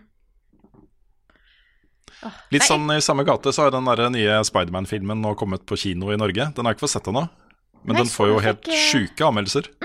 Å ja, den eh, Spider-Verse. Ja, Into Yes. the Spider- Ja, kult. Spider-Verse. Kult. Den skal ses også. Mm. Den er litt mer så animert, er den ikke det? Jo, Jo, ikke bare litt mer Nei. animert, nei, helt animert. Ja. oh. Nei, jeg, jeg er Spennende. Jeg vil bare si at jeg syns det er veldig gøy. Jeg tror jeg tweeta det òg. At jeg er så glad for at nå er jeg på en måte up to date på Marvel-universet. Sånn at jeg Mm. faktisk kan Mm. være med på, på hypen. Ikke bare sånn ja, det, For jeg fikk jo med meg at det var jo mye snakk om um, forrige Avengers-filmen, Mm. eh, når Infinity War skulle komme ut, og det var liksom før den, og i dag den kom ut, jeg sitter bare sånn, jeg er ikke med på dette her i det hele tatt. Så jeg følte meg litt sånn ut forbi. Nå, nå er jeg inne!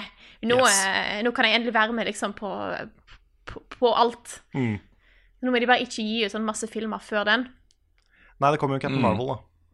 Ja, men det, ja, den, Men det er igjen. ja. Det ordner seg. Men den, den Endgame kommer ganske tidlig, gjør den ikke det? Jo, den kommer eh, Det som er tingen Nå kan jeg ikke si så mye, men det kommer samtidig som vi har et prosjekt. Å ja, det stemmer. Ja, nettopp. Ja. Så eh, får vi se hva vi gjør ut av. Ja. Men ehm, hva, hva, hva skulle jeg si? ja, men den kom i april, liksom, så det er ikke så lenge til. Nei, det er april, ja. Mm. Jeg tror ikke jeg har vært så hyped på en film siden jeg var liten. Men det er jo litt fordi at nå Wow. vanligvis i en del filmer, sant, så på en måte har du egenstående historier som blir avslutta i hver film, og så kanskje har du en liten teaser videre til neste. Mm. Det er jo ikke helt sånn Infinity War er. Nei. Det er, det er første del av noe, Ja. den filmen. Mm. Så det, den, den må liksom bare fortsette. ja. Så det er bra at den kom, kommer såpass kjapt, Mm. syns jeg. Sats. Mm. Nei, jeg, jeg har jo jeg, jeg sitter jo ikke med opptak, så jeg har ingen anelse om hvor lang podkasten er i dag. Så jeg bare, tror jeg bare kaster ordet videre til dere, og så kan dere finne noen spørsmål. Den er omtrent like lang som den pleier å være, Frida. Ja, men herlig. Det er supert. Mm, Kan jeg informere om. All right. Mhm. Hvem, hvem har Ja. lyst til å ha spørsmål først? Jeg har lyst til å ta altså det, det er kanskje det beste spørsmålet jeg har fått i podkasten noen gang. Oi. Det er fra Espen Tveit, og øhm, det er jo da en callback til uh, en av de verste tingene som har skjedd i Level Ups øh, historie. For meg, da. For vi har hatt disse duellene våre hvor vi har hatt straff. Og den verste straffen jeg har fått, det var verre enn å ha standup-show. Ja, var det det? Ja, for et publikum som Ja, det var verre enn det, altså. Det var det, ja. Ok. Jepp. Wow. Men det var jo fordi uh, du Altså, premisset er da uh, den som tapte duellen, og du avgjorde det med stein, saks, papir på scenen. Det var den siste duellen, det var uavgjort. Ja, det var den der krokodillegreia. Ja, krokodillegreia var det, det stemmer. Eh, det var jo taperen av duellen måtte sitte i løgndetektor mens, og svare på spørsmål fra vinneren, ikke sant? Yes. Så Espen Tveit har da eh, eh, skriver tenker at han vil plukke opp tråden fra Hans Christian Wangli fra forrige uke, som testet påstanden om at få spørsmål er for private til å svare på. Så da har jeg flere spørsmål til Carl. Jeg regner med at du kjenner dem igjen. Og det er da Ja. alle spørsmålene fra løgndetektortesten Ikke sant? Er du som du stilte til meg. Ja, vet du hva. Altså, jeg, visste, jeg hadde en litt sånn vond følelse om at dette kommer til å skje når jeg begynte å si at ingen spørsmål var for personlige.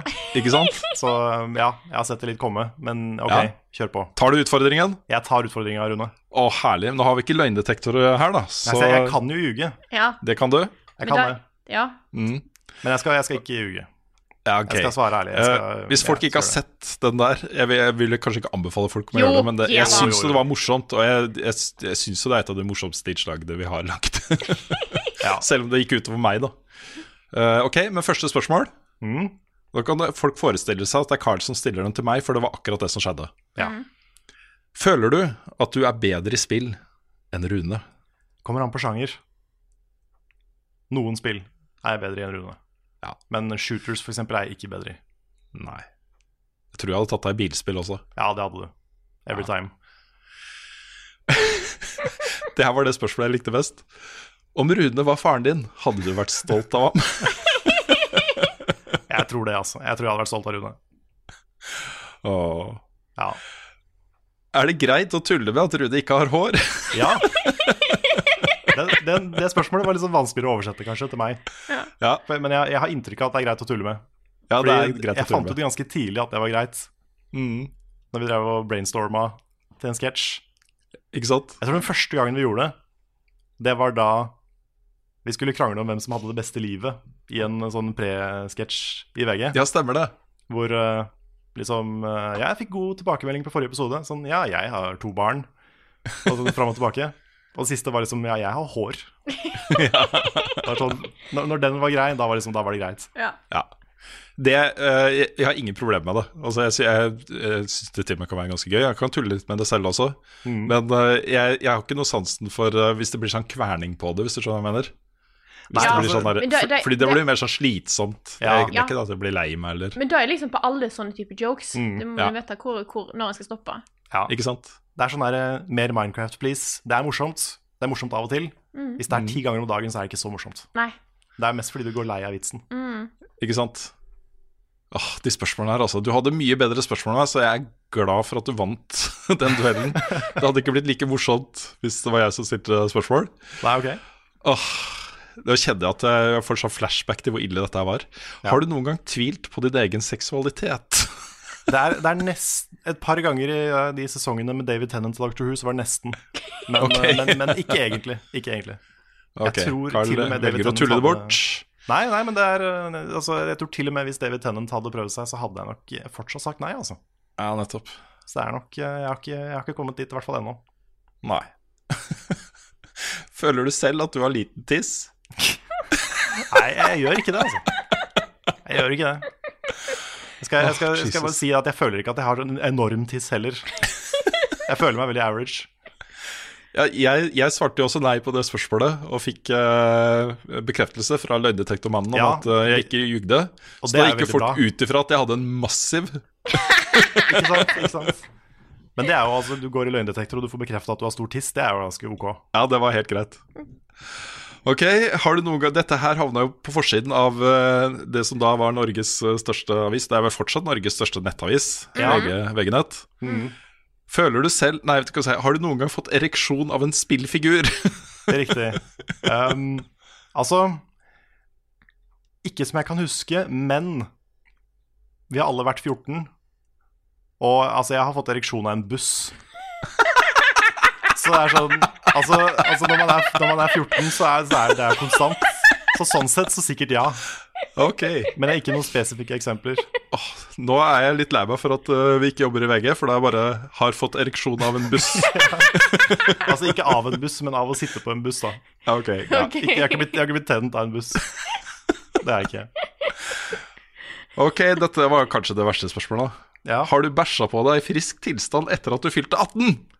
Nei, men nesten. Ok. Det har vært noen, det har vært noen close calls hvor det har vært langt unna toalett og sånn. Ja, ja. Men ikke, ikke faktisk skjedd. Åh, nei, det var et dritbra spørsmål du hadde der, eh, Carl. Jeg er fortsatt, eh, fortsatt det gjør litt vondt også, å se dem igjen på det siste, det siste faktisk, det var fra Bjørn. Ja, ok. Det var han som fant på det der bæsjespørsmålet. Ja, og det morsomste var at du fikk i tommel ned. Ja. og det var på en måte det beste øyeblikket. Åh, det gjorde vondt, altså. Det gjorde vondt hele den seansen der gjorde vondt. Mm. Men eh, ja. Vi Ja, kom oss gjennom det også. Ja, jeg svarte på alle spørsmåla nå. Ja, du gjorde det. Jeg gjorde det. Veldig bra, Carl. Thank you, thank you. Neste gang så gjør vi det med løgndetektor. Ja.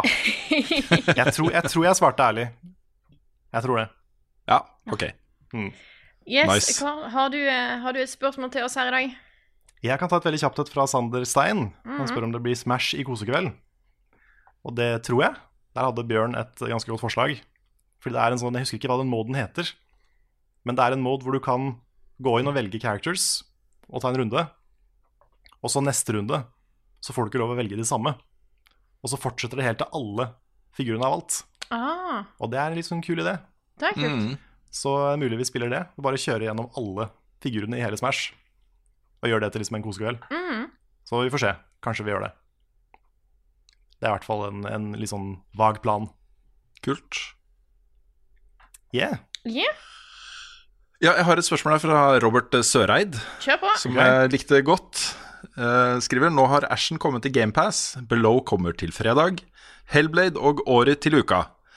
GamePass, og det er jo da den tjenesten på Xbox, eh, har i høst gjort at jeg har utvidet spillhorisonten min utrolig mye, og jeg spiller spill fra sjangere jeg aldri har spilt tidligere. Jeg syns det er utrolig kult, og elsker det. Hva er tankene deres til GamePass og den typen abonnementtjeneste på spill? Han Good har shit. et godt poeng, altså. Det er litt tilbake til det jeg snakka om med den Epic Game Store også. Det er litt sånn spill der som du bare har lyst til å teste. Du kanskje ikke vet så mye om de fra før, eller bare har hørt vage ting om det. Du får, også når du allerede har betalt for det, på en måte, så er jo vei, veien til å faktisk spille det utrolig kort. Det er en veldig kul ting, altså. Jeg tror at folk har veldig, veldig, veldig mye å vinne på å teste ut spillsjangre de kanskje ikke trodde var noe for deg. Mm. Eh, Eller selv om, jeg, selv om du kanskje ikke liker en hel sjanger, så kan det være spill i den sjangeren som du likevel får sansen for, da, på grunn av Mm. andre ting. Så mm. jeg, jeg, tror, jeg tror alle har godt av det. Jeg tror tjenester som, som, som Eller sånne abonnementstjenester absolutt kan hjelpe på veien der for at uh, flere kan få øynene opp for uh, spesifikke spilleopplevelser. Ja. Mm. Jeg tror grunnen til at veldig mange er så sjangerspesifikke som de er, er jo det at spillet er så veldig dyrt å investere i. Mm. Så du kan på en måte ikke Det er ikke så ofte du har råd til å ta sjanser. Derfor så er det ganske vanlig å liksom kjøpe mer i den sjangeren du vet du liker. Mm, mm. Mm. Så, så det er Så- et godt tegn. Så liker jeg også at uh, også Microsoft har vært flinke med GamePass også. At, altså de kommer jo med alle sine eksklusive ting, kommer jo der. Men de har vært flinke til å både løfte opp og få inn spill fra andre publishere også. Og du kommer jo til et kritisk punkt der, ikke sant. Hvis det har nok, eh, nok spillere, så øker jo presset da på publishere til å faktisk inkludere spillene sine i abonnementstjenesten, ikke sant. Og det er en eh, Jeg tenker at hvis dette skal funke med abonnementstjenester, så må du ha liksom minimum, eller maksimum, mener jeg, én per plattform. Ikke sant? Det må ikke være mange forskjellige som alle har forskjellige spill og sånne ting. Men alle de tingene du har lyst til å spille, må da komme på én, ikke sant. Ja. Så um, jeg har, veldig, jeg har veldig sansen for det og veldig tro på det. Og tenker at det er den desidert beste måten å ha en uh, Også teste et bredt spekter av spill. Da. Mm. Jeg, jeg må veldig på do, så jeg bare BRB. Ja. All right. Men sånn som eh, gris, da. Det koster jo ikke mer enn 120 kroner på Nei, det er helt sant. Og er liksom Det har de fleste råd til. Ja, og det er det at jeg, synes, jeg setter så pris på at det er mm, så mange gode indiespill nå. Eh, Det har vært det de siste årene. Ikke bare at det er disse store Triple A-opplevelsene til 500-700 kroner som er verdt å spille gjennom. At du har veldig mange gode opplevelser i indiespillene som som regel koster en del mindre. Mm. Det hender av og til at det er litt kortere opplevelser. Men så har du også veldig mange gode spill som også er free to play, som er, som er verdt å spille. Det jo Mm. trekker ofte det fram, men Warframe, sant? Du har så Ja. veldig mange gode opplevelser der som ikke nødvendigvis trenger å koste deg så mye penger. Og da Mm. Og nå er jo CSGO har jo blitt gratis nå, så Det har blitt gratis. mm. Nei, det er litt sånn øh, øh, Jeg snakka om øh, Game of the Year topplister og det å Problemene med å liksom sidestille Far Cry 5 og Red Dead Redemption 2 f.eks. Mm. Uh, og det er litt sånn mange av disse spillene som også øh, Robert øh, snakker om her, da, Hellblade, Ori, Ashen, Below, de er jo mye mer spissa. Også, uh, det kan være veldig følelseslada og, og uh, dype spilleopplevelser, men de er veldig spissa mot en, et spesifikt budskap, ikke sant? Og Derfor så kan den ene punchen det spillet gir, da, ha like stor impact som den der massive totalopplevelsen som et spill som Red Dead er, ikke sant? Men så sitter du igjen òg med den eh, For jeg, jeg, tenker mye på, på topplisten mot, mot, eh, mot jul. Og Mm. prøver liksom vurdere hva spilleopplevelser jeg har hatt og sånt i år. Og det er jo ganske mye sterke ting. Men jeg innser òg at det er vanskelig det, det igjen, Jeg tror vi satt med dette problemet i fjor. Jeg tror vi snakka om det òg. Eh, det er vanskelig å sette opp små, sterke opplevelser med de store, finpussa opplevelsene. Så igjen at For jeg, for eksempel Celeste er jo et av de beste spillene jeg har spilt i år. Mm. Uh, og det samme gjelder Tetris Effect. Og uh, du har mange spill som måte har som, som overrasker litt, og med, som tester noe nytt, f.eks. Minute og sånne ting. Men det å sette det opp mot store ting som God of War, det er Mm. vanskelig. Du, Så apropos Frida, Ja. du har ikke spilt Spiderman ennå, har du det? Nei, jeg har ikke det. Har du kjøpt det? Nei. Nei, for jeg har det her til deg. Så du kan få det etterpå på julebordet. Så hyggelig! Mm, jeg fikk tilsendt uh, noen X som jeg har bare glemt å ta med hver gang vi har uh, møttes siden. Det er så gøy. Da tar jeg, Mm. da tar jeg gjerne imot da. Da skal du få det. Thank you. Mm. Liksom Eh, skal vi ta et uh, spørsmål mens Vi kan ta et spørsmål til. Eh, Ja. Jeg har et på lur her fra John Magnus Restad, som skriver Når ringes julen inn for dere? For min mor er det Sølvguttene som står for startskuddet. For min egen del er det eh, Donald Duck og vennene hans som står for julestemningen. Hva er det som for deres del gjør at dere endelig kan si nå er det jul? Ja, for, meg- for meg er Ja. Ja, bare begynn du, Frida. Ja, ja. For meg så er den lille julaften sånn ca. klokka sju, når juletreet kommer inn i stua og det skal pyntes. Da kommer liksom Ah. alle eskene med julepynt ned i stua samtidig. Mamma har kanskje pynta litt her og der på forhånd, men da er det nisser som skal opp på, på sofaene, og det er, det er Altså, da, da skal alt på, og alt går på med en gang. Da Mm. er det sånn Nå er det jul Ikke sant? for meg. Mm. Ja, det er lille julaften hos meg også, men det er fordi moren min har bursdag lille julaften. Så det er jo en del av juletradisjonen at vi drar og feirer dagen hennes Mm. med broren hennes, altså onkelen min og sånne ting. Jeg tror kanskje høydepunktet på de feiringene hvert år er at vi ser uh, 'Grevinne og hovmesteren'. Den går jo på lille julaften. Mm. Og onkelen min, Thor, han ler så hjertelig hvert år på de samme stedene. Og det er, det er noe med det, de tingene som skjer liksom, hver jul, som blir en Same tradisjon. procedure as every year. Ja, ikke sant. Og det, det setter meg skikkelig julestemning. Nå er det, Så kommer jeg litt ned på jorda en dagen etter, for da på julaften så skal jeg steke den fordømte ribba. og det syns jeg er skummelt. Jeg får det ikke helt til. Jeg får det nesten helt, helt til, da. Men uh, det er et sånn stressmoment. Så Kommer når den litt er og litt ferdig nærmere hvert år. Ja, ikke sant. Jeg, jeg begynner å få litt teke på det nå, altså. Det er Men øh, det er liksom Det var mye mer behagelig å bare loffe ut i pysjamasen midt på dagen, se litt tegneserier og spise litt marsipan, og, og så liksom få servert verdens beste julemiddag. Ja. Jeg vet ikke hva som har blitt sagt, men jeg er enig. ja. ikke sant? Oh, nei, jeg, jeg, jeg, kom på det du sa sånn at du har en onkel som alltid ler til grevinne og hovmesteren. Vi har sånne faste ting som må gjøres hvert år, og jeg har mange av dem. men til grevinne og hovmesteren så er det alltid sånn at uh, mamma kommer og sier Jeg tror jeg sier det hvert år, men jeg syns egentlig han hovmesteren ligner en del på da, min, min, min morfar. Okay. Og da er liksom, det må, det må nevnes hvert år. Og Ja. alle vet det, fordi at det blir nevnt hvert år. Men hvert år så må liksom mamma komme og si Jeg syns egentlig han der ligner litt på pappa. ja, Så det er the same procedure as every Det year. er same procedure as Ja. every year. Det er Ja. mm. Yes, neste, neste uke så blir det, Vi har ikke snakka om det, da, men da blir det vel mest sannsynlig at vi snakker litt om Game of the Year og sånne ting. Det gjør nok. Mm. Så skal vi også prøve å få spilt inn en episode som kan gå i romjula, som handler om uh, 2019. Se litt framover. Yes. Og så er det jo sånn at uh, eh, over nyttår så er jo første på en måte arbeidsdag er jo en helligdag, er det ikke det? 2. januar, er det helligdag? Jeg husker ikke. 2. januar, ikke en helligdag. Nei. Uh, nei, vi fant vel ut at vi ikke fikk spilt inn spilluka denne uka, men vi får spilt inn podkast. Ja, for først, eh, tirsdagen er 1. desember. Nettopp. Første Sånn var det. 1. januar, 1. januar ja. Er så- tirsdag. Ja. Sånn var det. Ja. Mm. Så, og da har ikke jeg kjangs, men podkast blir denne uka, så vi tar jo, prøver å ikke ta pause da, i jula. Mm. Men uh, neste uke så er det jo da også rom for mange flere julespørsmål, hvis folk har de. Yes. Det er det. Tipper det blir sånn julete episode. Ja, Vi har tatt noen spørsmål allerede. Eh, Mm. Men det er liksom, det får litt drypp her og der. Men neste, neste uke så blir det juleepisode. Yes. Full pupp på jul. Ja. Full pupp på Hvis jul. noen har noen sånn sånn julepodkast-lek de vil pitche, Ja. Mm. så kjør på. Ja, det hadde vært gøy. Ja, kanskje vi kan ta opp det. ja. Ah. Vi, vi er klar. Yes. Yes. Skal vi ta en runde av der? Det kan vi Det gjøre. kan vi gjøre. Ja. Uh, da har jeg lyst først til å si tusen takk til alle som, som dukka opp på show i går. Det var Det veldig, var veldig, hyggelig. Kjempehyggelig. Veldig koselig. Takk for en eh, bra kveld. Mm. Og så må vi ha en ekstra stor takk til alle dere som støtter oss på Patron. Dere er fantastiske folk, og nå får vi jo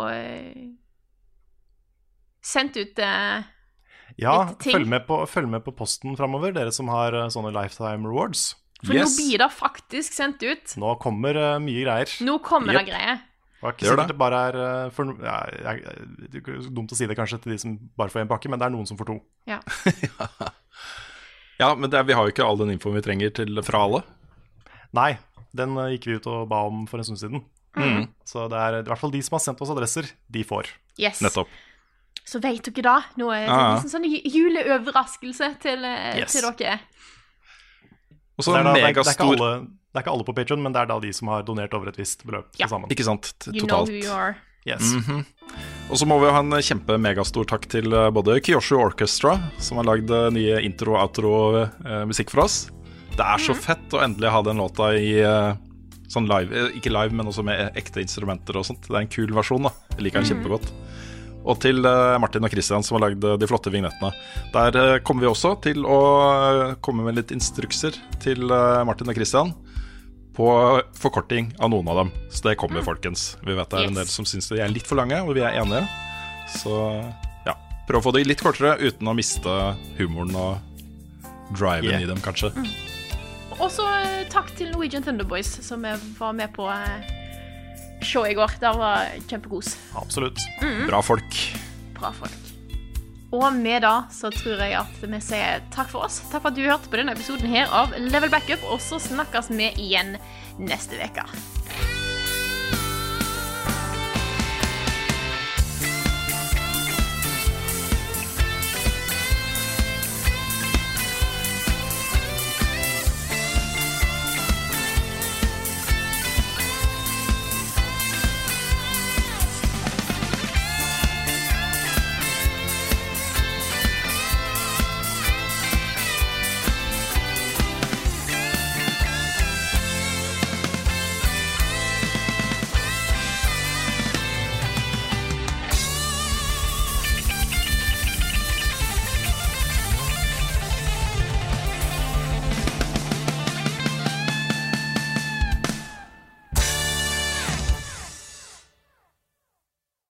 Har du et enkeltpersonforetak eller en liten bedrift? Da er du sikkert lei av å høre meg snakke om hvor enkelt det er med kvitteringer og bilag i fiken, så vi eh, gir oss her, vi. Fordi vi liker enkelt. Fiken superenkelt regnskap.